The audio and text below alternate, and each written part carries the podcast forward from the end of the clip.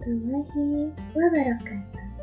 Selamat datang kembali di podcast Wafa. Kali ini saya akan membahas tentang 5 manfaat gerakan sholat bagi kesehatan.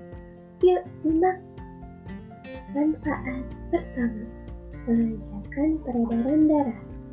Mulai dari gerakan takbiratul ihram, ruku, iktidal, sujud, sampai tasyahud membantu meningkatkan aliran secara keseluruhan di dalam tubuh. Biasanya, saat orang merasakan tekanan darah yang sedang tinggi, dengan sholat, ia dapat mengontrol aliran darah ke seluruh tubuh. Manfaat kedua, meningkatkan pencernaan dan fungsi hati. Pada posisi duduk tasyahud awal dan tasyahud akhir, yang posisi kaki kanan ditegakkan dan menekankan bagian bokong dapat melancarkan pencernaan loh. Ternyata selain itu, titik tekanan pada kaki kanan dapat meningkatkan fungsi hati dan mengendurkan usus, sehingga pergerakan usus di dalam tubuh dapat membantu meringankan sembelit. Wah, Masya Allah ya.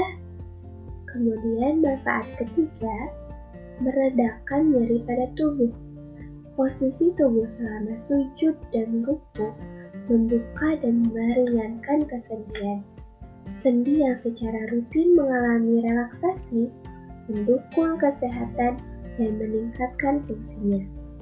Kemudian manfaat keempat, dapat menyehatkan jantung. Pada dasarnya, sholat juga merupakan bentuk olahraga dan meningkatkan metabolisme, termasuk meningkatkan kesehatan kardiovaskular secara keseluruhan.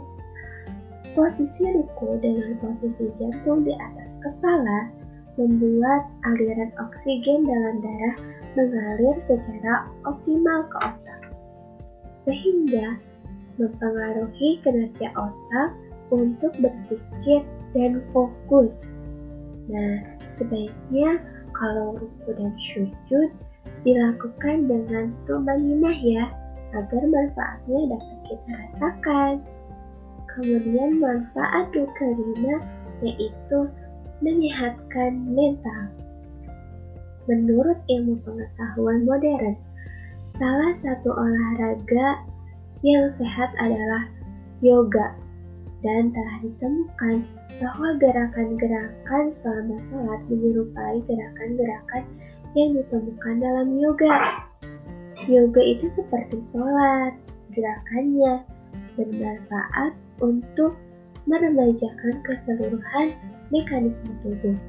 Bahkan tidak hanya bertujuan untuk menjaga kebugaran fisik, aja loh, tapi juga bekerja untuk meningkatkan keseimbangan mental seseorang. Nah, itulah manfaat gerakan sholat bagi kesehatan. Maka dari itu, mulai sekarang kita harus sholat dengan tukmanina, dengan gerakan yang benar tentunya harus khusyuk ya. Oke, semoga bermanfaat. Sampai ketemu di podcast selanjutnya. Bye. Assalamualaikum warahmatullahi wabarakatuh.